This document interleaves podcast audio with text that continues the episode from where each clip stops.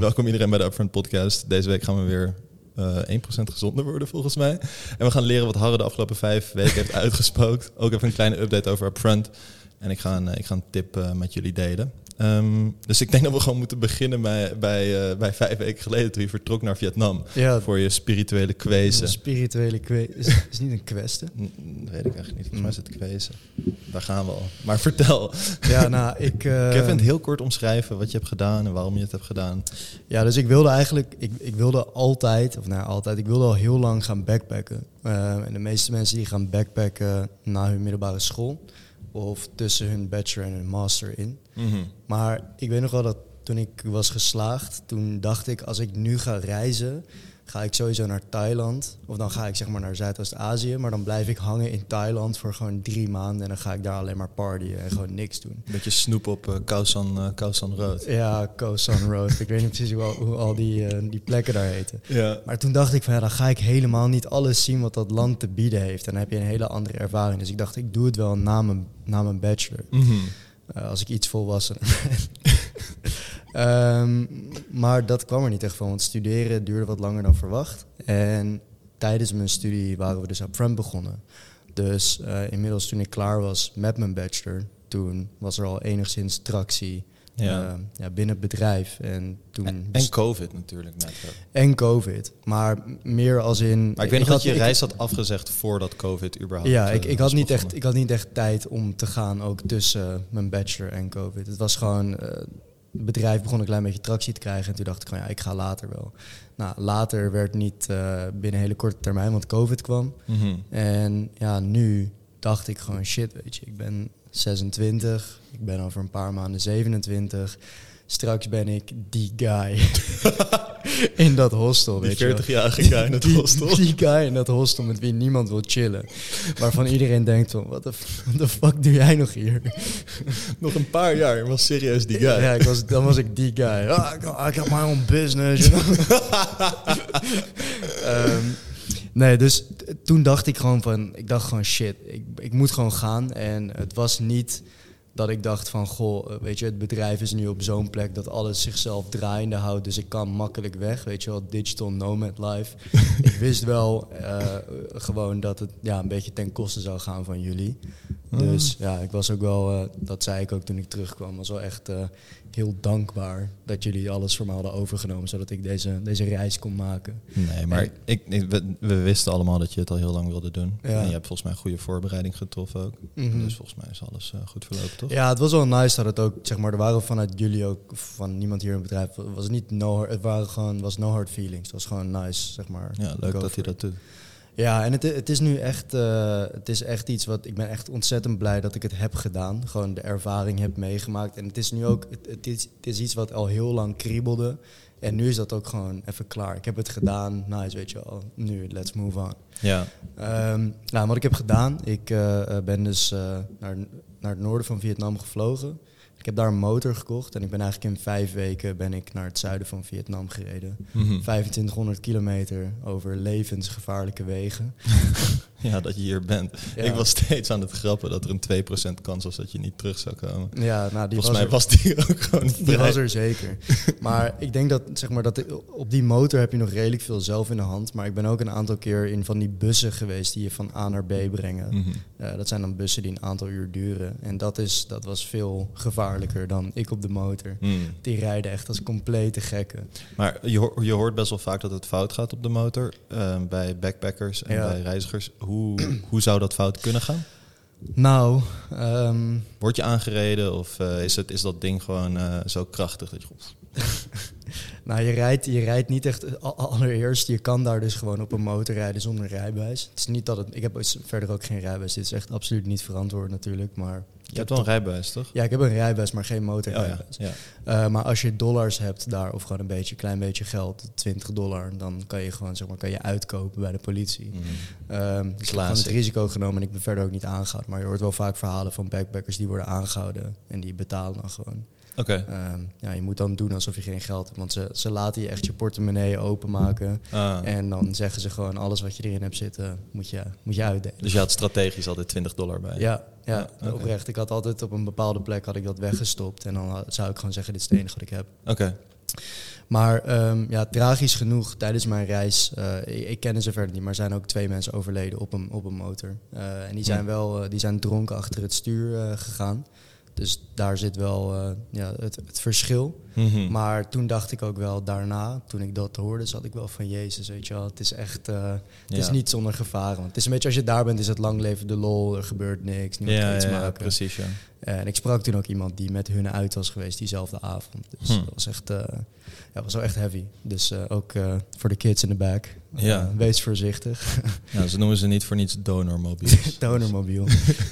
ja, maar het was echt, de- het was echt een, een unieke ervaring. Ik heb ook echt het idee dat ik op drie verschillende vakanties ben geweest in deze vijf weken. Mhm. Want Vietnam kent eh, drie verschillende klimaatzones. ja. Ehm, in het noorden was het dan regenseizoen, maar wel heel warm. Ehm, in het midden was het iets kouder. Mhm. Ehm, en dan eh, in het zuiden was het gewoon echt eh 36 graden, volle zon. Hm. Absoluut geen sprake van regen. Ehm, en ik heb ook eh, op de helft van mijn eh, vakantie heb ik een, een silent retreat gedaan. En dat was ook wel echt, eh, wel echt bijzonder. En dat brak de reis ook wel lekker als het ware. Oké, oké, daar, daar, daar komen we zo. Maar ik had eerst nog een andere vraag. Tuurlijk. Wat voor, wat voor vers- verschillen merk je in de samenleving en in de cultuur in Vietnam vergeleken met, met in Nederland? Oh, uh, goede vraag. En daar heb ik een heel duidelijk antwoord op. En dat is dat in Vietnam, hoe arm het land ook is, heb je eigenlijk bijna niemand die bedelt. En bijna geen zwervers. Iedereen daar die werkt. Hm.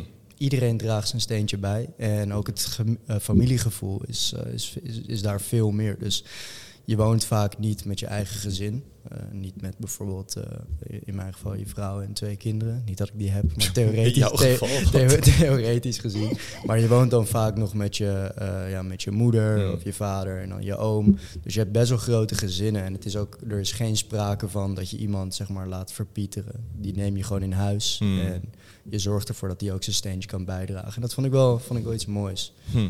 En dus iedereen, iedereen is actief, iedereen werkt. Iedereen is actief, iedereen werkt. Maar Echt ontzettend weinig eh, ja. Werkelozen. Ja, en dan als ik even advocaat van de duivel mag spelen, in Nederland hebben we ook niet zoveel werklozen. Dus daar ligt het verschil misschien niet per se. Nou- had, je gewoon het idee dat iedereen hard werkt? Of Nou, ik heb wel het idee dat ik, ik zie hier in Rotterdam zie ik meer daklozen dan daar. En zwervers, mensen die bedelen. Ik moet wel zeggen dat de laatste tijd dat er steeds meer zijn hier. Steeds Maar- meer? Ja, steeds meer. Ja. Ook in mijn park. Als ik ochtends ga wandelen. In jouw park, dat klinkt echt zo shady. Nee, ja. gewoon in het park naast mijn huis. Ja, Vroezenpark, mooiste park van Rotterdam. Ja, maar ze slapen er wel af en toe. ja, Oké. Ehm, dus dat vond ik wel, wel interessant om te zien. En ik heb ook het idee dat ehm, er wordt ook best wel veel, zeg maar, nog een beetje rondgehangen tussen het werken door. En dat zag er altijd wel heel erg gezellig uit. Als in, Hm. Ze hebben wel heel erg veel plezier met weinig. Hm. Oké. Dat is ook wel een mooie observatie. Mhm. Veel plezier met weinig. Ja, We hebben hier nu alles nodig om maar een beetje... prik- ja, we hebben hier weinig plezier met veel. Hmm. Oké, oké, duidelijk. Maar mens- mensen werken waarschijnlijk wel veel langere dagen. Dus dat plezier tussen werk door. Ja, het is je, crazy, eh, want iedereen staat daar ook echt ontzettend vroeg op. Hmm. Ehm, het wordt daar eh, ja, licht rond een uurtje of vijf. En ik merkte echt dat de Vietnamezen staan allemaal ongeveer rond dat tijdstip. Ik denk tussen vijf en half zeven staan ze op. Hm. En gaan ze ergens koffie drinken of ontbijt halen. Hm. Ehm, echt crazy hoe, hoe druk het dan al overal was. Hm. En ja, dat is ook een ritme wat ik zelf heel fijn vind. Dus dat vond ik wel nice om te zien. Oh, nice. Nou, ja, daar gaat met toevallig mijn tip van de week over. Oh, Dus daar komen we zo dan nog even Nice. op. Maar eh, die Vietnamezen lopen daar dan een, een beetje voor op ons, I guess. Ja, wie weet. Goed voor productiviteit. Oké. Ehm, ja, nee, dus het was echt... eh, ja, ik heb natuurlijk zoveel, eh, zoveel kleine verhalen en zoveel dingen meegemaakt. Maar gewoon het, het, eh, het grote plaatje was wel echt heel vet om gewoon een keer echt die culture shock te krijgen. Want toen ik aankwam daar, ja, je, je kan het je niet bedenken hoe, hoe, hoe anders het is. Hm. Ehm, Hanoi kom je dan aan, waar het... het is, ik kan niet uitleggen hoe druk het daar is. Het is gewoon, je, je, je wil oversteken, maar het is letterlijk het, is onmogelijk om daar over te steken. De- denk je in het begin. Dus dan, Ja. dan, ik stond in het begin dan echt gewoon ja, twee, drie minuten langs de kant te wachten tot ik over kon steken. En toen op een gegeven moment kreeg ik een beetje door hoe het werkt. Dat is, je moet dus niet kijken naar de auto's en de motors, maar je moet gewoon gaan. En gewoon doen alsof je hun niet ziet, wat dus levensgevaarlijk is. Want, want dan spelen soort van zij alleen het spelletje van jou ontwijken. Wat als ze je niet goed ontwijken? Ja, dat gebeurt. Dat, dat, ze ontwijk je dus altijd goed. Ja, dat is volgens mij niet helemaal waar. Want Vietnam heeft het hoogste aantal verkeersdoden per, per, per miljoen inwoners. Allemaal Dus- backpackers op motors. ja, of backpackers die voor het eerst oversteken. Oké, oké, sorry. Maar oké, dus laten we, laten we naar de silent retreat toe gaan. Want Mhm. we, hebben, we hebben geen tijd om alle verhalen te, te behandelen. Misschien een Ja. volgende keer. Mhm. Maar we hebben het wel veel gehad over meditatie. Ja. Volgens mij wilde jij dit al lange tijd doen. Kan je, kan je omschrijven wat je hebt gedaan? En, ja. Ja, dus ik, ik weet niet waarom. Eh, ik heb dat wel vaker. Voel ik me gewoon heel erg aangetrokken tot iets. Net zoals bijvoorbeeld een reis naar Vietnam. Als mensen me dan vroegen, ja, waarom Vietnam? Ik kan het je niet vertellen, maar op een of andere manier trok dat land mij gewoon heel erg. En zo ook een silent retreat. Dat is dus eigenlijk eh, een, een stilte retreat. ehm, waar je naar een, een, een klooster of een speciale plek toe gaat. En je voornamelijk, de essentie van het hele verhaal is dus als je niet praat. eh, en vooral aan het mediteren bent. En ik had verwacht dat het niet praten echt ontzettend zwaar zou zijn. Want ik ben best wel extrovert en ik hou van een babbeltje. Ehm, maar dat vond ik uiteindelijk wel meevallen. Maar wat je dus vooral doet, is mediteren. En holy shit, dat was zo zwaar. Je bent gewoon echt eh, ja, ongeveer tien uur per dag ben je bezig met meditatie. Hmm. En ehm, ik, ik zelf heb ja, heel weinig ervaring met mediteren, met zeg maar echt mediteren. Maar dan ineens tien uur per dag. Ja, en dan word je echt in het diepe gegooid. En ik wist ook helemaal niet hoe zeg maar diep je kon gaan met mediteren. Mhm. Want ehm, nou, mensen willen dan natuurlijk weten wat voor een soort dingen ik heb gezien of heb gedacht. Maar wat, want ik dacht van tevoren toen ik daar naartoe ging van holy shit, ik ga echt allemaal gekke breakthroughs met upfront krijgen. Gewoon, ik ga, ik ga hier echt de hele strategie uitdenken. Als, ik- als ik hier dan, als ik hier uitkom, Dat dan... waardeer ik wel, man. Dat je dat, dat, je dat wil inzetten voor upfront. Ja, ja, ja. Maar uiteindelijk eh, heb ik eh, heel weinig eh, over upfront nagedacht daar. Ik heb vooral tijdens meditatie heb ik hele oude herinneringen waarvan ik echt absoluut geen idee had dat ik ze nog in mijn hoofd had. Heb ik gewoon heel levendig weer herbeleefd. Wat echt crazy was. Maar gewoon uit je, uit, uit je Uit jeugd. mijn jeugd, maar gewoon echt, echt ook jonge dingen. Dat ik, dat ik vijf, zes was, dat ik nauwelijks bij bewustzijn was. Dat het gewoon echt, dat ik me herinnerde alsof het de dag van gisteren was. En dat ook soort van als, het was alsof ik naar een, naar een soort van fragment keek van die gebeurtenis. Hm. Zo helder was het. Ehm, dat, was, dat was echt crazy. En ik heb ook heel veel, want je doet vaak, medi je- soms doe je meditatie, maar soms doe je ook eh, breathwork. En soms doe je het allebei. En dat breathwork, de breathwork oefeningen die wij deden, ehm, komt er volgens mij op neer dat je af en toe eh, te weinig zuurstof in je hersenen krijgt. En daardoor ga je licht, zeg maar, hallucineren, licht trippen. Voor de mensen die wel eens een, een lachgasballon hebben gedaan. Het is een klein beetje te vergelijken met dat. Ehm, als je dus zeg maar echt ver in die breathwork oefeningen gaat. En dan ging je ook echt, dan zag je gewoon soms hele felle kleuren, flitsen. ehm, Maar terwijl je ogen dicht had. terwijl je je ogen dicht had. Hm. Heel, heel apart. Ehm, maar wel, wel, wel vet. Maar k- was dat dan, kwamen daar dan bepaalde gedachten bij kijken? Of was je nog helemaal bij bewustzijn? Of? Ja, je was dan wel helemaal bij bewustzijn, maar je zag gewoon allemaal, allemaal felle flitsen, rare vormen. Eh, het was allemaal heel abstract. Het was gewoon echt een beetje alsof je aan het trippen was. Hm. Ehm, dus ik vond het wel bijzonder om mee te maken, of om te ervaren, zeg maar, dat ook, dat, dat ook op een natuurlijke manier kan. Ja, dat je helemaal geen, geen pilletje nodig hebt eigenlijk.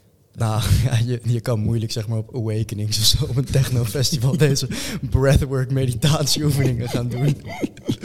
Tussen de menigte gaan Ja. zitten. maar dan zat je ook en dan ging je in een groepje, ging je dus Nou, op je je zat- ademhaling letten. Of, Nou, je was wel gewoon, eh, je zat zeg maar alleen. Je zat wel met een hele grote groep, maar je was vooral individueel bezig. ja, dat, kun, je, kun je misschien dat verhaal vertellen van, van jouw roommate en dat je hem in de ogen moest kijken? oh ja.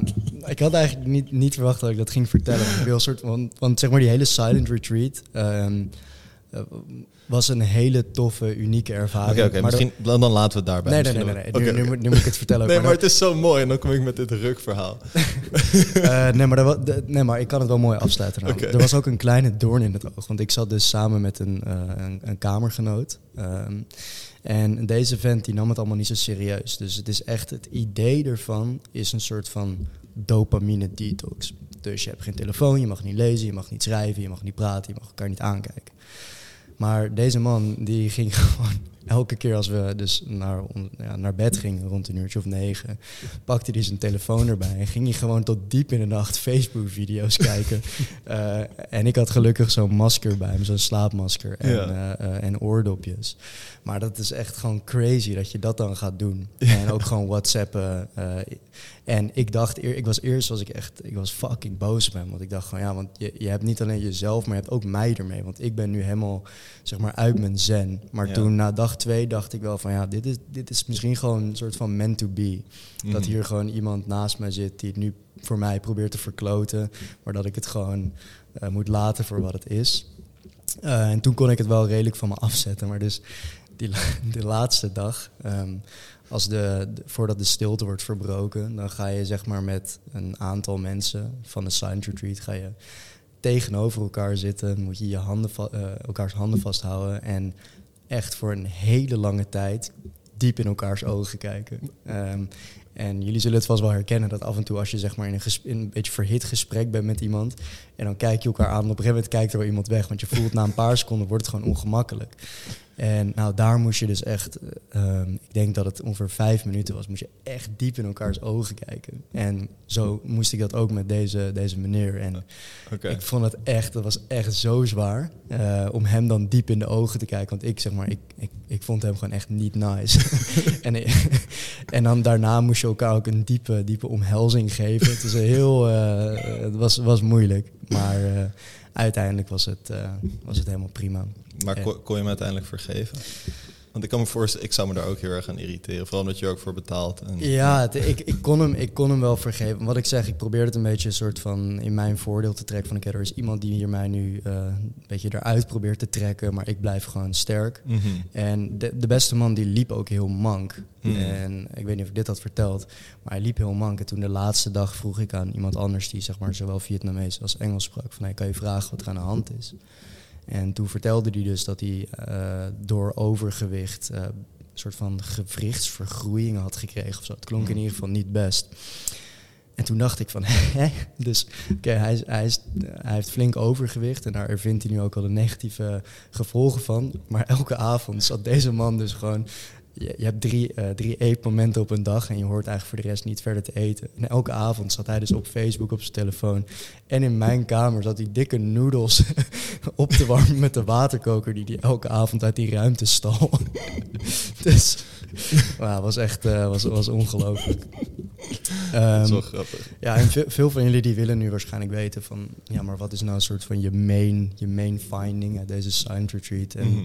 het is helaas iets, iets heel, heel saais. eh, en het klinkt heel logisch als ik het nu zeg... maar het is wel dat ik heel erg blij moet zijn met zeg maar, de kansen die ik hier heb... En, en waar mijn wieg heeft gestaan. En dat iedereen die heeft vaak het idee dat zijn leven best wel lastig is... en dat je benadeeld bent, maar ja, ehm, als je verhalen hoort van mensen in Vietnam. Eh, want je, je leert elkaar ook voor die science retreat wat beter kennen. En dan moet je je levensverhaal vertellen. Hmm. Dan ga je het allemaal wel veel meer in perspectief plaatsen. Hmm, oh, want veel mensen komen daar misschien om, om een deel van zichzelf te vinden. Of misschien omdat ze een trauma Trauma's willen. te verwerken Hmm. en zo. Oké. Dus, dus, dus, dus dat. En ook gewoon dat. ehm, wat, ik, wat ik net aanhaalde, het was een soort van dopamine reset. Ja. Dat heb ik wel echt zo ervaren. Want je moet je voorstellen, je mag daar niet eens lezen of schrijven. Dus voor mij, toen ik die drie dagen stil moest zijn, was het idee dat ik een boek mocht lezen, was een soort van echt hemel op aarde, weet je wel. Hmm. Omdat dan verlang je echt gewoon naar iets anders dan je eigen gedachten. Hmm. Dus ik heb nog steeds wel, ehm, ja, nu al drie weken daarna, dat ik gewoon minder behoefte heb om echt de hele tijd op mijn telefoon te zitten. En dat ik echt nog kan genieten van even een boekje lezen. Ja, Dus dat is wel echt een mooie, eh, ja, mooie ervaring die, die ik eruit meeneem. oké. Nou, thanks voor het delen. Ja, ik hoop dat ik jullie niet compleet in slaap heb gepraat met dit eh, verhaal over mijn... eh, Nee, ik, vind, ik denk het helemaal niet. Ik denk juist niet, want een heleboel mensen hebben het hier vaak over. Van, oh, dat zou ik nog wel een keer willen doen. Maar dan dat iemand het ook echt heeft gedaan, dat, dat hoor je dan wat minder vaak. Ja. En, eh, dus dat is juist... Ik heb dat wel vaker bij jou, dat, dat jij wacht niet lang voordat je iets gaat doen wat je zegt dat je wil doen. Ook met de marathon natuurlijk. Maar ik zit een beetje na te denken over die dopamine detox. Mhm. Dat heeft natuurlijk ook te maken met gezondheid. Hoe, hoe je dat eigenlijk zonder dat je naar zo'n silent retreat gaat, soort van voor jezelf kan doen. Want ik, ik vind dat ook lastig. Dat je dopamine tolerantie wordt ook steeds hoger. mhm. Dus je hebt steeds meer prikkels nodig. Je kent het misschien wel, zeg maar. Alleen op Instagram zitten is niet meer genoeg. Je moet ook de tv in de achtergrond nog aan hebben. En je moet iets eten terwijl je het doet. En dus en zo gaat het steeds verder, weet je wel. Dus ik vraag een beetje af en waar dat naartoe gaat. En waarom, waarom wij er zo veel problemen mee hebben om dat voor onszelf een keer te creëren. Mm. Waarom zit niemand ooit bij, wijze van, klinkt heel raar hoor, maar een hele zondag gewoon stil in zijn kamer. Klinkt heel raar als ik het nu zou zeggen. Ja. Maar begrijp je, zeg maar, Ja, je, kan het, je kan ook gewoon een eendagse silent retreat doen. Ja, Maar niemand doet dat. En, en omdat, omdat die, misschien omdat die barrière in je huis, zeg maar, je bent al omringd met alle afleiding, weet je wel. Mhm. Dus je zou dat dan eerst uit je huis moeten halen, bij wijze van geen tv, geen telefoon, geen laptop. ja. Alleen maar boeken of schriften waar je in kan schrijven. Mhm. Maar dat is natuurlijk ook een vorm van dopamine. Maar begrijp je wat ik bedoel? Zeg Ja, maar? het is, cra- het is crazy hoe, ho- hoeveel hoger onze dopamine tolerantie wordt. Om, voordat je zeg maar satisfied eh, voelt. En ik weet nog wel dat vroeger, ehm, ja, bijvoorbeeld keken mensen wel eens eh, op de tv naar een voetbalwedstrijd. En dan waren ze zeg maar, dan was dat zo tof. Ja, eh, dat je daar helemaal in op kon gaan. Maar nu als iemand, en dat, dit zullen veel mensen herkennen als ze een voetbalwedstrijd kijken, of als je bij mensen bent die een voetbalwedstrijd kijken, zit iedereen gewoon 90 minuten op zijn telefoon. ja. Eh, die, die, die voetbalwedstrijd is echt puur gewoon achtergrondvermaak. ja. Dat is echt crazy. En dan heel af en toe kijk je even op. Ja. Maar zo is het ook steeds vaker met Netflix. Ik denk dat dat merk je toch ook. Zeg maar, je komt nauwelijks meer een film door. Mhm. Wanneer was het voor het laatst dat je twee uur lang gewoon naar een scherm hebt gekeken, gefocust op wat er gebeurt? Ja. Ik, ik, doe, ik heb dat heel lang niet meer gedaan. En omdat vaak dan word je tussendoor gebeld. Of je weet je wel, je krijgt een appje binnen en dan pak je even de telefoon erbij, word je weer ingezogen. Oké, twintig minuten later begin je weer met kijken. Mhm. Dus zelfs misschien dat ze over twintig jaar wel naar films kijken zoals wij nu naar boeken kijken. Dat ze zitten van, wow, kan je een hele film afkijken in een ja, dag? ja, 100% Hoe doe je dat? Maar wat, wat ook, wat ook wel, wel grappig is om, om te beseffen is dat toen ik dus uit die silent retreat... Holy shit. Ik hoor allemaal achtergrondgeluiden. ik heb nu voor, we hebben nu een podcast upgrade waarbij we zelf ook een koptelefoon op hebben. Ja, deze hebben we al vijf weken gehad. Nou, dat is even wennen voor mij. maar toen ik uit die silent retreat kwam, toen eh, ging ik naar een hostel toe. En dat bleek een, een party hostel te zijn. Je moet je voorstellen, je komt uit die silent retreat en je bent helemaal zen, je bent helemaal rustig. Je voelt je helemaal herboren. Ja. Dopamine detox, voltooid. Toen kwam ik daar en daar was het zeg maar chaos, was harde muziek. Ehm, zat ik aan een tafel, zat ik te eten en toen kwamen er allemaal mensen bij me zitten. En toen was ik, aan het, was ik zeg maar, mezelf aan het voorstellen, terwijl die muziek in mijn oor aan het blazen was. Ja. En ik was aan het eten en toen kreeg ik gewoon echt, echt een zieke hoofdpijn. En ik heb dat nooit. Ik heb, ik heb nooit hoofdpijn, Hmm. nooit echt buikpijn. Ik zat gewoon, wow, wat is dit? En toen ben ik ook gewoon na een paar minuten, heb ik daar de benen genomen. Hmm. eh, om gewoon even, even een momentje voor mezelf te pakken. Want dat was dus gewoon, ik was gewoon over, overstimulated. Hmm. Overprikkeld. Ja, ja, ja, ja, vo- volledig boydhoek hier. Ja, maar, maar, maar moet je je voorstellen aan hoeveel prikkels je jezelf hier nu blootstelt? Ja. Tegelijk. Mhm. En dan voel je niks. Dus misschien wordt je brain, je, je hersenen worden echt eh, gewoon flink gefrituurd hier. ja. ja, maar zo is het ook echt wel. Dus ik, ik, ik, weet niet, ik weet nog niet, misschien is het iets voor een latere aflevering, maar ik weet nog niet of we er zeg maar mee moeten leren werken. Of Mhm. dat we het een soort van moeten afstoten en moeten, moeten blokkeren. Ja, Eh, ik denk dat we ermee moeten leren werken, want het is denk ik onrealistisch dat je nu zonder telefoon gaat leven. Mhm. Maar, maar ik weet nog niet hoe of zo, weet je wel. En ik denk Ja. dat niemand dat echt, niemand dat echt weet. Dus eh, Mhm.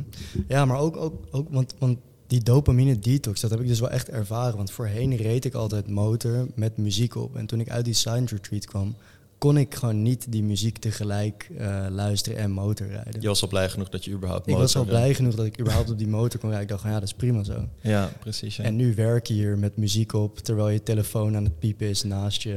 ja, het moet wel een heel groot contrast zijn. Ja.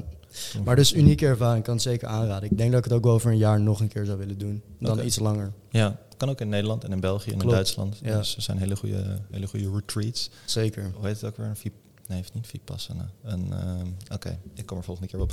Ehm, ik denk dat we ook weer doorgaan. Ik denk volgende keer en die keer daarna zullen we nog genoeg Vietnam... eh, Oh, je was ook een keer herkend, toch? Oh, absoluut. Hoe kan dat in Vietnam? ja, ik, was, het was, ik ben drie keer herkend in totaal. Drie keer? Ja, ik dacht één- één keer. Nee, drie keer. Eh, ik wilde één, eentje bewaren voor de podcast. Maar ehm, één keer was ik dus in een hostel en toen eh, zat ik bij het ontbijt. En toen zei een meisje tegen mij van... Huh, ik kreeg gisteren een TikTok-video van jou, van Upfront, toch? en ik wist echt niet waar ik moet- moest kijken. Want, ik ging altijd undercover daar. Ik zei ook gewoon, ja, ik werk eh, in de marketing Ja. bij een voedselbedrijf als mensen vroegen. Het is te lang verhaal om anders uit te leggen. Precies, Ik ken ja. het, ja. ik ken het. Ehm, en ook een andere keer, toen zei iemand tegen mij van... Weet je waar jij echt op lijkt? van die gast van Upfront. ja. What the fuck? dat is zo raar. What En, the fuck? en toen zat ik gewoon, oh, ik heb geen idee. Je video met brood had ook een miljoen views in een paar dagen Oh, behaald, terwijl jij in Vietnam was. Misschien Oh, dat ze die wel hebben gezien.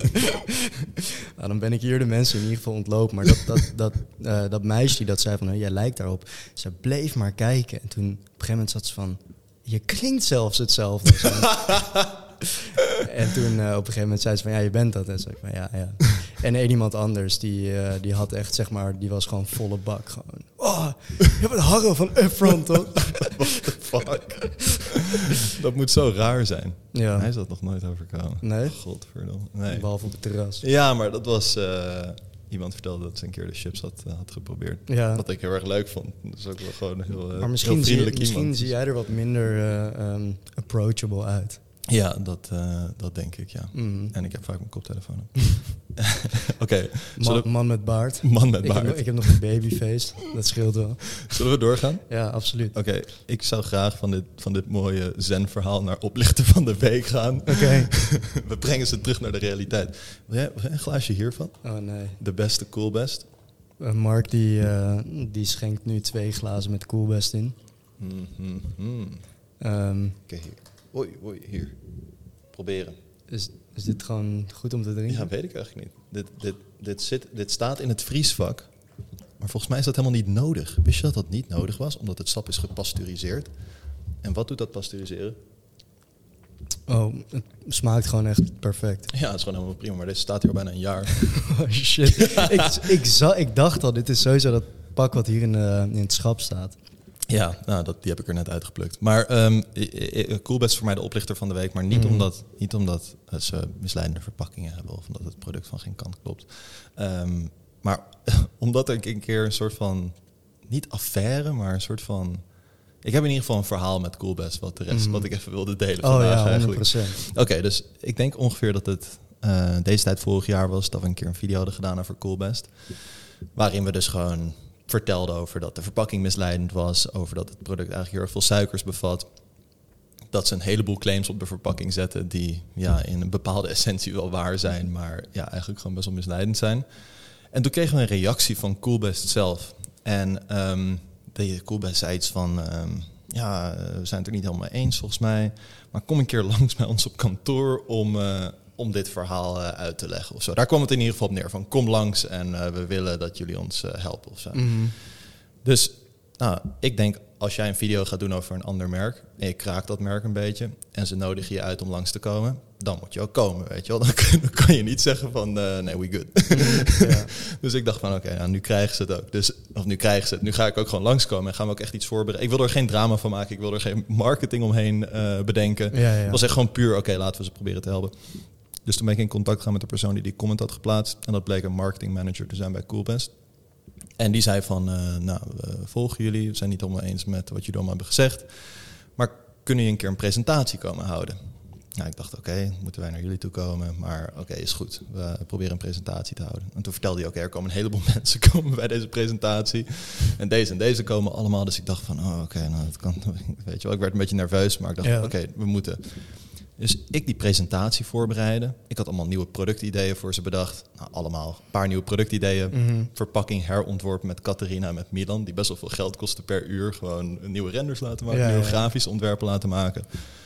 En ehm, Nou, toen is het denk ik vier of vijf keer uitgesteld. Van hun kant. Wij waren klaar om te gaan. Ik weet nog dat we een paar dagen van da- da- daarvoor... Of nee, 24 uur van tevoren werd het een keer afgezegd. Mhm. Toen werd het weer afgezegd en weer afgezegd en weer afgezegd. En uiteindelijk hebben we gewoon nooit meer iets gehoord. Er was gewoon radiostilte. Ja. En we hadden een presentatie klaar van iets van 15 pagina's. Waar we gewoon een hele soort van brandstrategie voor ze hadden uitgedacht. Omdat zij ons hadden uitgenodigd. Omdat zij zaten van, hey, je hebt de grote mond, maar kom langs. Dan eh, zeg maar, eh, zeg het tegen ons gezicht. Of Ja. zeg het waar we bij zijn. En ik vond het best wel kwalijk. Want ja, ik had daar gewoon echt wel gewoon een paar dagen van mijn tijd in gestoken. Ja. En uiteindelijk werd er gewoon niet op gereageerd. Omdat ze waarschijnlijk gewoon zaten van... oh, ze willen echt komen, laat Ja, maar ja. zitten of zo, Ja. weet je wel. Dus probeerde je nog af te schrikken, want ja, die persoon komt en die komt Ja, ook. waarschijnlijk. Ik weet het niet, maar het was zo raar dat, dat zeg maar zo'n groot merk je dan uiteindelijk gewoon ja, een soort van laat zitten of laat Mhm. hangen. Ja. En daarna hebben we ook geen video's meer gedaan voor Coolbus, maar ik heb ook nooit meer iets gehoord. Dat is een heel bizarre, eh, ja, bizarre manier van communiceren eigenlijk. Dus eh, zo is dat gelopen. Maar ik zie het wel vaker, dus ik wil dat ook even aanhalen. Maar ook, ook op de video's die wij dan over Coolbest doen, op, op bijvoorbeeld eh, TikTok of Reels, dan zijn er heel veel mensen en die zitten dan van, ja, ga langs bij Coolbest met dit verhaal. En dan heb je van die OG upfront supporters die dan reageren van, ja, dat probeerden ze, Ja. maar Coolbest had afgezegd. Oh ja, dat had ik ook een keer gezien, ja. Ja, maar ik wil, ik wil nog even één ding aanhalen, wat net een beetje een soort van niet helemaal duidelijk was. We, Sorry. we hebben hier dus net, eh, Mark heeft hier net twee glazen met Coolbest ingeschonken, die al een jaar hier gewoon buiten de, buiten de koelkast staat. En het smaakt gewoon alsof het vers is. Mhm. Dus Coolbest staat in de koeling, maar het, ho- het hoeft helemaal niet gekoeld te worden, het is gepasteuriseerd. Ja, Ehm. want dat was altijd een soort van, dat werd gezegd en dat op, op papier was dat ook zo, omdat erop staat gepasteuriseerd. Maar we Ja. hebben het nooit echt getest. Maar deze staat hier nu dus negen maanden. Ja, en ik En, weet eh, dus ook dat Coolbest eh, extra veel moet betalen ehm, aan supermarkten om daar te staan. Ook door kritiek die wij onder andere op het merk uiten. Omdat eh, die supermarkt eh, eh, category managers die zeiden dus van oh ja, maar er is heel veel kritiek nu op jullie omdat jullie hier staan terwijl jullie helemaal niet horen. Dus als je wil, kan wel, maar dan moet je wel echt je dikke portemonnee trekken. Ik heb geen idee om wat voor bedragen dit gaat, maar is toch, voelt je moet toch de kleine, kleine victories moet je, moet Nou, je het, vieren. het, het is vooral, het is vooral een, een, een, gewin voor ons, denk ik. Omdat ze ons dus aan het lijntje hebben gehouden. Ja. Eh, Dat was gewoon... Dus dat was wel mooi om inderdaad te horen. Mhm. Maar dat is wel apart, toch? Dat, dat iets, want ze zeggen van... We keep it cool, you get the best. Mhm. Maar is het echt zo dat je dat pak... Het is zeg maar een familiepak, toch? Van, dit is anderhalve liter. Ja. Het is niet dat je dat in één keer achterover slaat thuis. Je kan hem ook gewoon thuis koud zetten. Wat Mhm. iedereen natuurlijk gewoon zelf doet. Ja, Dus dat het daar staat. Misschien dat je het eerste glaasje direct als je thuis bent inschenkt. Maar dan is alsnog 90% van het pak is gewoon bullshit. Mhm. Dat het in de koeling staat. ja, En natuurlijk voor alle mensen die eh, geven om duurzaamheid. Zeg maar, iets moet gekoeld worden. Dat kost energie. Het staat daar 24-7. Het kan niet uit de koeling gaan. De koeling gaat ook niet uit. ja. Want er staan andere producten in die wel over datum, die sneller over datum kunnen gaan als, het niet, als ze niet gekoeld zijn. Dus, dus het is ook gewoon een onnodige verspilling van energie eigenlijk. Mhm. En Coolbest is niet de enige. Er zijn een heleboel merken die onnodig in de koeling staan.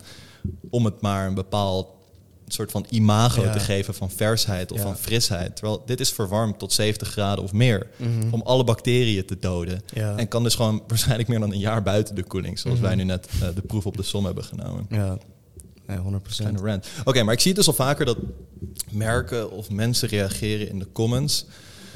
En dan dat, dat, dat ze niet verbaasd zijn als we reageren. Maar ik merk wel dat we een beetje van ons af moeten bijten af en toe. En dat bedoel ik Mhm. niet op een verkeerde manier, maar ook gewoon op een vriendelijke manier. Gewoon soms dan, ik weet niet, dan verwachten mensen van... oké, dit merk heeft nu zoveel volgers. Ze kunnen gewoon zeggen wat ze willen. Ja, ja. En ik zie dat steeds vaker. En laatst was er iemand en die, ehm die commentte iets van... eh, ja, dit klopt. Oh ja, dat is, dit is altijd het format waarin het wordt gecomment. Het is iets van, leuk merk hebben jullie. Maar dit kan Ja, echt niet, weet je wel? En dat was altijd op LinkedIn zo. Nu gaat dat ook naar Instagram toe. Dit kan echt niet. En dan studies hebben aangetoond dat dit, dus het zit zo. Mhm. En dus dan is er een soort van, ons merk is eerst een soort van opgehemeld. Daarna is het gewoon ge gechopt.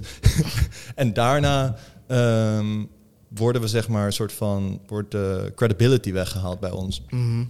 En dan, dan is de conclusie dus eigenlijk al een soort van getrokken, terwijl we helemaal niet naar die studies hebben kunnen kijken. We Nee, zijn helemaal- worden ook niet gelinkt. Nee, we, we, we, we konden helemaal niet met elkaar in discussie gaan. En mensen zien misschien niet dat wij hier echt wel gewoon best wel lang doen over ieder script en over ieder video. Om gewoon te factchecken en te zorgen dat alles correct is, dat we een goede onderbouwing hebben. Mhm.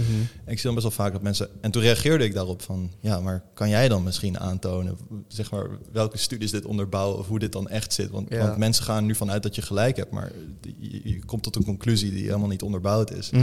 En toen ineens, toen, weet je wel, mensen schrikken dan van dat er ineens iemand reageert. Maar Ja. achter ieder merk, en dus ook met Coolbest, zit een persoon die dat wel leest. En Ja. die daar wel, weet je wel. Dus, Ja, 100%. ehm, dus wij hebben het recht, denk ik, ook gewoon om terug te reageren en in discussie te gaan. Het is niet van jij wint, ik win, maar we we willen tot de waarheid komen.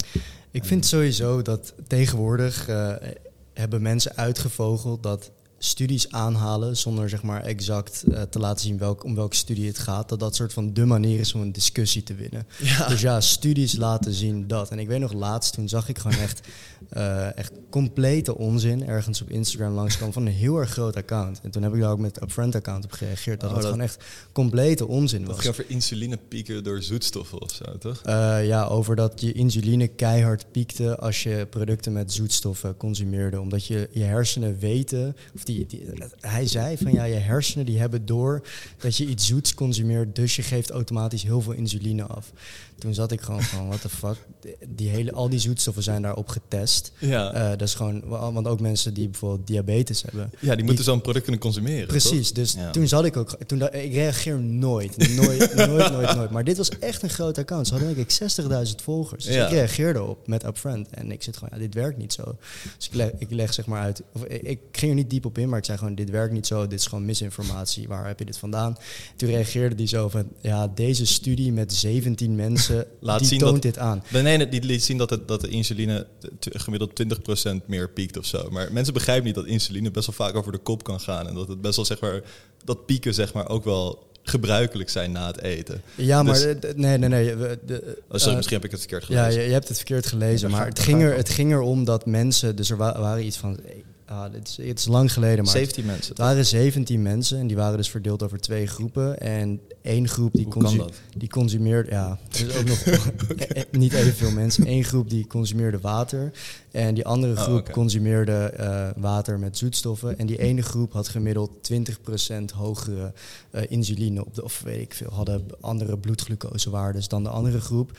Maar ja, dat, dat zegt helemaal niks over zeg maar voor en na. Want dat werd niet gemeten. Er werd Hmm. gewoon een soort van baseline getrokken op één moment na het consumeren daarvan. Maar je hebt standaard schommelingen in bloedglucosewaardes. Ja. Dus het was compleet, het, was, het, het, het zei helemaal niks. En toen, toen reageerde ik daar weer op. Van, ik, ook- ik ontkrachtte dat gewoon volledig. En toen reageerde die ook iets van...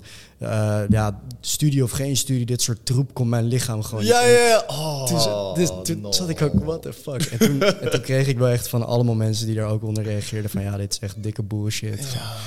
Maar, maar in ieder geval, als mensen nu tegenwoordig, want wat ik net zei, is mensen halen, zeggen gewoon ja, studies hebben laten zien dat. En dan is Ja. goed, kom dan met een studie. Ja. En dat doen ze niet, of ze komen echt met ziek, zwak bewijs. Ja, maar dat was zeg maar ook bij die persoon die had gecomment op die, ehm, op die video waar ik het net over had. Die haalde ook een studie aan, maar dan verwachten ze misschien niet dat we die studie ook echt gaan lezen en Ja. er inhoudelijk op reageren. Maar dat vind ik ook zo mooi. Jij hebt dit gestudeerd, jij begrijpt hoe studies zijn opgezet. Dus jij kan waarschijnlijk best wel snel zien of een studie zeg maar legitiem is of niet. Mhm. En mensen, mensen, mensen halen ook zeg maar iedere studie. We hebben het met Jelle gehad over de studie op sucralose, waar Ja, eigenlijk gewoon. eh, ehm, ja, waar die, waar die hoeveelheid sucralose die wordt gebruikt zo belachelijk is. Mhm. 2600 keer hoger dan Ja. de een, in een van onze shakes. Mhm. En dat dat op ratten dan iets aantoont. Dat weet je wel, dat zegt eigenlijk niet zoveel meer. En dus die kwaliteit tussen verschillende studies die is ook best wel hoog. klopt. En die worden dan gewoon door accounts volledig opgeblazen. Ik weet niet, het is gewoon kwalijk. Voeding is eh, helaas niet zwart-wit. Ja, maar het is, ook niet in, het is ook niet zo intuïtief als mensen denken. Want nu is het heel erg alles gebaseerd op intuïtief eten. Mhm. En dat account waar jij het over had. Ja, als zij zeggen van ja, je eet iets zoets, dus je brein denkt dat het zoet is, dus het maakt insuline aan. Ik weet Ja. niet hoe het zou werken, maar dat werkt volgens mij gezegd. Mhm. Dat klinkt heel erg logisch. Want je zou kunnen zeggen van ja, dat lijkt op suiker en je brein Ja, kan ja. het verschil niet merken, weet Mhm. je wel. Dus het is ook een soort van appeal to nature fallacy, waar je gewoon zegt van ja, dat is je lichaam en zo ervaar je dat. Mhm. Terwijl zo werkt dat misschien gewoon helemaal niet. Nee. Maar het klinkt echt gewoon best wel legitiem. Ja, dus dan ja. zitten mensen gewoon van, oh ja, hij heeft gelijk, hij heeft een punt. Mhm. Niemand kan tegen het lichaam en wat ik voel op, Nee. weet je wel. Maar ik, En dus- wa- wa- wat je zegt klopt, want ik begreep wat hij bedoelde, maar het klopte niet. Als Ja. in, eh, het, is, het is logisch dat het zo zou werken, maar zo werkt het gewoon niet. Het lichaam is super gecompliceerd. Voeding is super gecompliceerd. Goed, stu- studies. Ja, maar misschien, want, want Jelle kan ons misschien heel goed vertellen. Jelle is echt iemand die in de studies duikt en echt gewoon veel, veel studies leest. Mhm. En misschien dat hij ons kan vertellen wat voor verschillende soorten studies er zijn en naar welke studies we dan wel echt kunnen kijken. Ja, Ehm, waar ik me meer zorgen om maak, en ik ben nu wel heel lang aan het woord, maar ik wil dit punt toch even maken. Mark heeft voordat we deze podcast op gingen gevraagd aan onze Instagram-volgers om feedback. Wat was de feedback? Oh nee, jij, jij vond dat je te lang aan het woord was. Oh shit, ja, daar gaan we. Nee, maar wat, waar ik me meer zorgen om maak, is dat gewoon de hele wetenschap ontkracht wordt. En gewoon Mhm. dat, dat dat soort accounts er ook schuldig gaan zijn. Van ja, de wetenschap weet het niet beter dan jij. Mhm. En ik begrijp wat ze bedoelen, net zoals dat jij net zei, dat, dat je zijn argument wel begreep. Maar dat is heel gevaarlijk om te zeggen. Want goede wetenschappelijke studies nemen een heleboel participanten. En die Mhm. weten het misschien wel beter dan de gemiddelde mens. Ja, En dus ik, vind, ik maak me daar veel meer zorgen om. Dat gewoon de wetenschap als geheel zometeen ontkracht is. En dat, het, dat er zometeen helemaal geen pijl meer te trekken is op niets. En dat, dat, dat Nee. onze wetenschappelijke kennis die we hier in huis hebben, dat die eigenlijk in het, dat die gewoon komt te vervallen. Want, ik, eh, ik, ik, ik, vind dat, eh, ik vind het iets aparts dat er zeg maar eh, studies die gewoon echt heel erg slecht zijn. Dus waar we het net over hadden, 17 mensen, ja, verdeeld over twee groepen. Wat zegt dat, weet je wel? ja. Dat die alsnog gepubliceerd, zeg maar hoe, hoe zwak de conclusie ook is die ze trekken, als ze überhaupt een conclusie trekken, maar dat die überhaupt gepubliceerd worden. Want dit voedt alleen maar dit probleem. Ja, precies. Ja. Dat is bijna als die Freestyle Libre-studie die wij hier doen op onze eigen producten met zeven man. Mhm. Dan zit je daar al bijna, weet Ja. je wel. Zeg maar, om te laten zien hoe kleinschalig dat is. Dat is Ja, precies. Oké, goed. We moeten ook weer door. Mhm. Oh, Ik- kan je even, even gewoon een kleine blik werpen op een kleine recording een kleine check. recording check toch wel. Gaat, gaat allemaal helemaal goed. Hoi, nice. Ik, ik, heb nog een, ik heb nog een tip van de week. Hoi. Of een eh 1% gezonder, gezonder. moet ik zeggen. Eh, en ik, ik weet niet of jij en Jelle hem al behandeld hebben. Ik denk het niet. En het is eigenlijk... eh, ik, ik wil even een moment pakken om ook eh, een beetje kritisch naar mezelf te zijn. En dat is... ehm, ik sport al heel lang. Ik ga ook heel erg lang naar de gym. Maar ik denk als je bijvoorbeeld naar mij kijkt... dat je niet denkt van... wauw, deze guy die is echt al tien jaar eh, fucking hard aan het gymmen. En ik ben wel zeg maar af en aan best wel veel aan het gymmen. Ik eet over het algemeen best wel gezond. Maar ik ben niet, of zeg maar best wel, best wel goed en gezond. Maar ik ben niet heel consistent. En eh, ja, als je wil aankomen, dan moet je dus eh, ja, meer eten dan dat je dagelijks verbrandt. En ik vind het altijd, ik denk altijd van ja, ik weet heel erg veel over voeding. Dus ik weet wel ongeveer hoeveel ik vandaag heb binnengekomen, eh, binnengekregen. Dus ik zit wel op dat target wat ik moet halen om, om aan te komen. Ja. Maar de realiteit is dat ik gewoon, gewoon lui ben. En gewoon geen zin heb om dat echt goed te tracken. Mhm. Ehm, en dat ik ook denk dat had ik dat wel gedaan. Want mensen zeggen vaak eh, trainen is echt 80 of zeg maar aankomen, spier aankomen of afvallen is echt 80% eten, 20% trainen. Mhm. En ik geloof dat wel. Ik geloof dat echt wel. En ik zag laatst weer een video van iemand die zeg maar zei van oké, wat als ik echt een jaar me er echt toe zet.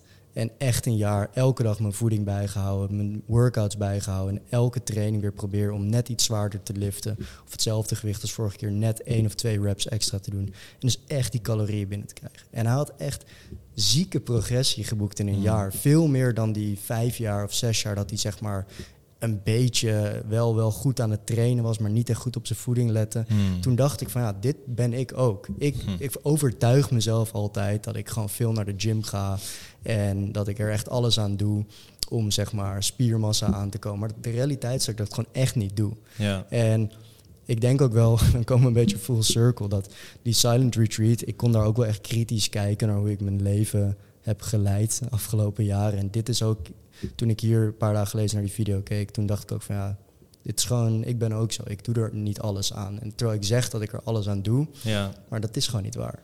Ehm, dus probeer nu gewoon eh, echt als een, als een, als een gym eh, rookie ben ik gewoon weer in MyFitnessPal bezig. En gewoon niet meer dat gissen naar hoeveel ik binnenkrijg. Gewoon, ik laat niks meer aan het toeval over. Hm. Omdat ik gewoon ook wil kijken van wat nou als ik echt commit. Een beetje hetzelfde als die, die marathon. En ik denk dat veel mensen die overtuigen zichzelf ervan dat ze echt gecommit zijn aan een bepaald doel. Ja. Maar is dat wel echt zo? Hm. Ja, want als je er echt helemaal toegewijd aan zou zijn, dan zou je wel tracken. Dan zou je wel een plan voor jezelf maken. Dan Precies, zou je wel je lifts bijhouden. Ja, en veel mensen die zeggen van ja, nee, en dat is ook, dit is ook vaak mijn excuus van ja, ik heb niet echt de goede genen om, om zeg maar echt groot te worden. En misschien is dat ergens wel zo, Ja. maar ik denk wel dat je goede genen ook kan outworken of slechte genen kan outworken. Ja. Als je gewoon echt niks aan het toeval overlaat. Dus mijn tip om het concreet te maken, eh, om 1% gezonder, ja, ik weet niet echt of dit slaat op 1% gezonder, maar meer gewoon op doelen. 1% beter misschien. Ja, 1% beter is gewoon. Vraag jezelf echt kritisch af of je echt alles eraan doet om dat doel te behalen. Ja. Oké. Kun je hier nog heel veel op inhaken? Absoluut. Want ik herken mezelf hier echt één op één in. Gewoon je overtuigt jezelf dat je niet zo groot kan worden... omdat je dan bijvoorbeeld eh een goede hormoon nodig hebt of Mhm. andere steroïden. Dus dat jij inderdaad een beetje aan je limiet zit. En dat, maar als je dan inderdaad nagaat van... oké, ga ik echt elke dag om dezelfde tijd naar de gym? Mhm. Haal ik alles eruit? Hou, ik- hou ik mijn lifts bij? Hou ik mijn eten bij? Antwoord op al die vragen is gewoon keihard nee. Ja. Dus dan doe ik er niet alles aan. Dan zou ik eigenlijk veel meer kunnen zijn dan dat ik nu ben. Mhm. Dus ik begrijp dat. En dat is best wel confronterend om zo te horen, want ik, ik herken dat ook. En ik ben nu heel erg bezig weer met, met, met, met de gym. ja, ik zie het. Ja, for, for real, looking good, man. man. Eh, De gewoon- Upfront Bootcamp, hè? Elke donderdag. ja, Kleine plug. fucking huge. Maar gaan we samen huge worden? De Absoluut. komende twaalf maanden? Committen we. Fucking let's get huge. Ach, moet je even Oh, shit. what the fuck up. Nice. Ehm, maar ik herken mezelf daar heel erg in. Maar bij mij is het vaak zo dat op een gegeven moment kom ik op een soort van punt aan dat ik me een soort van afvraag waarom doe ik dit, weet je wel? Mm. En tijdens mijn studie, toen ik 2,23 was, zat ik op 93 kilo. Ik ben nu op 88 kilo, dus ik was veel groter. Maar ik had toen echt van, ja, ik word gewoon fitness-influencer of zo. Weet Ja, je wel, ja. ik was jonger en eh, Mhm. weet ik veel. Ik had die droom nog van, oké, ik ga iets worden en, eh, en eh, ik kan geld verdienen misschien hiermee. Ja. Maar nu heb ik dat helemaal niet meer. Gewoon, ik, ik heb geen illusie dat ik op mijn 27-jarige leeftijd nog ineens Mhm. fitness-influencer word. En ik wil dat ook helemaal niet. Nee. Dus dan is een beetje de vraag, als je weer extra geld aan het uitgeven bent, als je weer fucked up bent, omdat je gewoon zoveel spierpijn hebt, als je niet meer op de wc kan zitten, als je niet meer je auto inkomt. Want dat, dat heb je wel als je gewoon echt hard gaat trainen. Waarom doe je het? En dat is misschien iets waar we het volgende keer over kunnen hebben, maar voor, ik, ik zie het wel weer als iets van, nou als je het doet, wil je dan niet zien hoe ver je kan komen? Zo, Mm. weet je wel? Wil je dan niet zien hoe ver je het kan, kan trekken? Want je Mhm. doet het toch al. Ja. En je zit op 80%. Ja. Die extra 20, ja, dat is gewoon extra, extra wilskracht. Maar het is niet extra tijd. Dus misschien wat extra geld dus voor je bulk en voor je eten en zo. Maar ik zit erover na te denken vaak. Ja. Van oké, waar haal ik die soort van lange termijnse visie vandaan... dat ik dit 12 maanden volhoud zonder te plateauen? Mhm. ja. Daar wil ik over nadenken. Ja, het is moeilijk. Maar bijvoorbeeld, ik, vind- ik vind best wel... Wij werken dan nu met, eh, met eh, ja, wat jongere guys. Met de cult? met de cult. Die guys, ja. Het zijn, eh, zijn boys op TikTok die wij persoonlijk heel erg tof vinden. Want ze, ja, ze, zijn gewoon, ze inspireren ja, jongere mensen om gewoon naar de gym te gaan, goed te eten. En dat vind ik gewoon tof. Ze, ze krijgen er, ja, ze doen het eigenlijk voor zichzelf. Ze krijgen dan nu een klein beetje products van Upfront, kleine support. Maar zij, zij zijn allemaal gewoon echt best wel, best wel huge en Mhm. best wel jong. En zij laten niks aan het toeval over. Hmm. Niks. Zij gaan dan naar een party en de volgende ochtend staan ze gewoon weer in de gym. Mhm. Ze tracken elke maaltijd echt op de calorie. En zeg maar, zij hebben ook. Dat is dus eh, waarin het resulteert. Als Ja. je echt niks aan het toeval overlaat. Ja, dat, ja, dat geloof ik ook wel. Ja, dat is wel confronterend. Hè? Mhm. Dat jongere guys ons nu gewoon... Is gewoon harder werken. Maar weet, je- weet, je wat ook, weet je wat ook is? En dat is ook weer, dan gaan we een beetje, wordt het een beetje een ander soort gesprek. Maar ik denk nu ook wel van, ja, fuck, weet je wel. Ehm, ja, we zijn een eh, eigenaren van een bedrijf wat sportvoeding verkoopt. Ja. dan moet je ook wel een beetje een soort van het lichaam hebben wat Ja. dat uitstraalt, weet je wel. Ja, Ehm, Begrijp en dan zullen veel mensen zeggen, misschien jij nu ook, van ja, nee, dat is helemaal niet nodig. Het gaat om gezondheid. Maar het is toch wel een beetje die eerste indruk. Eh, Ja. Ik weet wel, toen ik bijvoorbeeld iemand als Joel Beukers voor het eerst zag in het echt, toen dacht ik gewoon van, wow, die guy is fucking huge. Ja. Weet je wel? Dus waarschijnlijk zullen mensen automatisch ook een beetje zo'n soort associatie met ons hebben. Of we Mm. het nou willen of niet. Ja. Eh, Oké, ik begrijp wat je bedoelt. Ja, oké. Dan ga ik om excuses betekenen. nee, ik begrijp wat je bedoelt, maar ik wil ook voorkomen dat we niet één van die soort van jacked guys worden. Nee. Want iedereen is gewoon, zeg maar, het klinkt een... Ah, fuck. Als ik, zou, als ik het echt zou willen, zou ik denk ik wel groot kunnen worden. Mhm. want ik ben groot geweest. Ik heb twee marathons gelopen. Jij hebt een marathon gelopen. Het was veel moeilijker, die hardlooptrainingen, dan naar de sportschool gaan. Naar de sportschool gaan is leuk. Ja. Halve marathon op zondag doen is niet leuk. en, ehm, en daarna drie dagen ervan kapot zijn. Maar dus ik heb ook zo wel zoiets van, oké, ik wil gewoon fit zijn. Maar ik hoef niet, want als je eenmaal zo groot bent, dan lijk je ook op al die andere gasten. En dan Mhm. ben je, is je zeg maar je merk ook soort van die gasten. En dan Ja. ben je die XXL guy. Ja. Of die, die clean nutrition guy. Ja. Of die, weet je wel, Cosso guy. En dat vind ik, alle respect naar hun. Ik weet dat het veel werk vergt. Mhm. Maar ik zit dan wel van, oké, dan zijn wij weer ook van die jongens. Zeg maar, weet je Ja, wel? nee, ik snap wat je bedoelt, maar ik denk ook niet dat mijn insteek is om zo groot te worden. Maar het is wel gewoon die eerste, dat eerste herkenmomentje dat je zegt van oké, deze, deze Ja. guys zijn in shape, weet je wel. Ze zijn, en ik denk ook met alle respect naar onszelf, maar de kans dat wij zo huge gaan worden, die guys lopen wel tien jaar Ja, echt ja. dedicated trainen en eten op ons voor. Ja, ik nee, weet ook niet of ik dat wil. Nee, maar ik bedoel, we hebben ook, ja, we hebben andere dingen gedaan dan alleen maar naar de, naar de sportschool gaan. Ik denk ook dat zo, als je ja. naar Jan kijkt, Mhm. die net ons team is, eh, die, die ons team nu gaat versterken, die, die loopt een marathon in drie uur. Maar Ja. die is helemaal niet huge. Die is Nee. gewoon, nou, gewoon heel fit, ultra fit, maar wel gewoon skinny, weet je wel. En ik, ik vind dat dan ook iets, zeg maar, dat vind ik veel indrukwekkender eigenlijk dan Mhm, dat je grote biceps hebt of grote chest of zo. toch? Maar dan moet je dus zeggen van, eh, yo, hoe gaat het? Ja, ik heb een marathon gelopen. Wat? Dan ga je snel met dat introduceren, dat mensen weten dat je topfit bent. Oh, dat is een beetje zeg maar, hoe weet je dat iemand vegan is? Wacht vijf minuten. Ja, ja. ik begrijp wat je bedoelt. Ja. ja, ik noem dat ook wel echt verdacht vaak eigenlijk dat ik een marathon heb gelopen. Want Ik heb een je, marathon gelopen.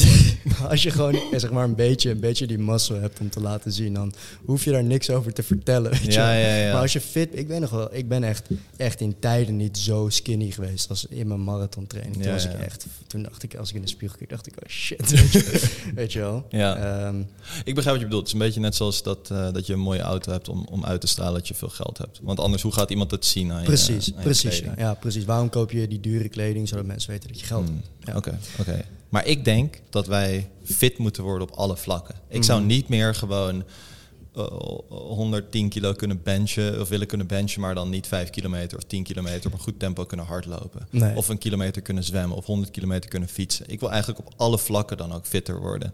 Je wil gewoon die hy- dus- hybrid athlete worden, zoals hybrid athlete. Nick Bear. Ja, precies. Ja, maar ik wil daar dan meer naartoe. Maar daar hoort ook bij dat, dat we iets, dat we Mhm. iets meer huge worden. Ja, maar misschien. ehm, ik denk dat het een, een, een goede afspraak is die we hebben gemaakt. Ja. En Misschien dat er, dat er luisteraars zijn die dit gesprek horen en die denken van ja, ik ben eigenlijk ook zo dat ik altijd excuses bedenk. Ah, ik ben te druk met werk, oh, ik Mm. heb kinderen, oh, vriendin, oh, reizen. Ja, vast wel. Ehm, en ik weet, ik weet al genoeg over voeding, dus ik hoef het niet te tracken. Eh, en die met ons mee willen doen met deze challenge.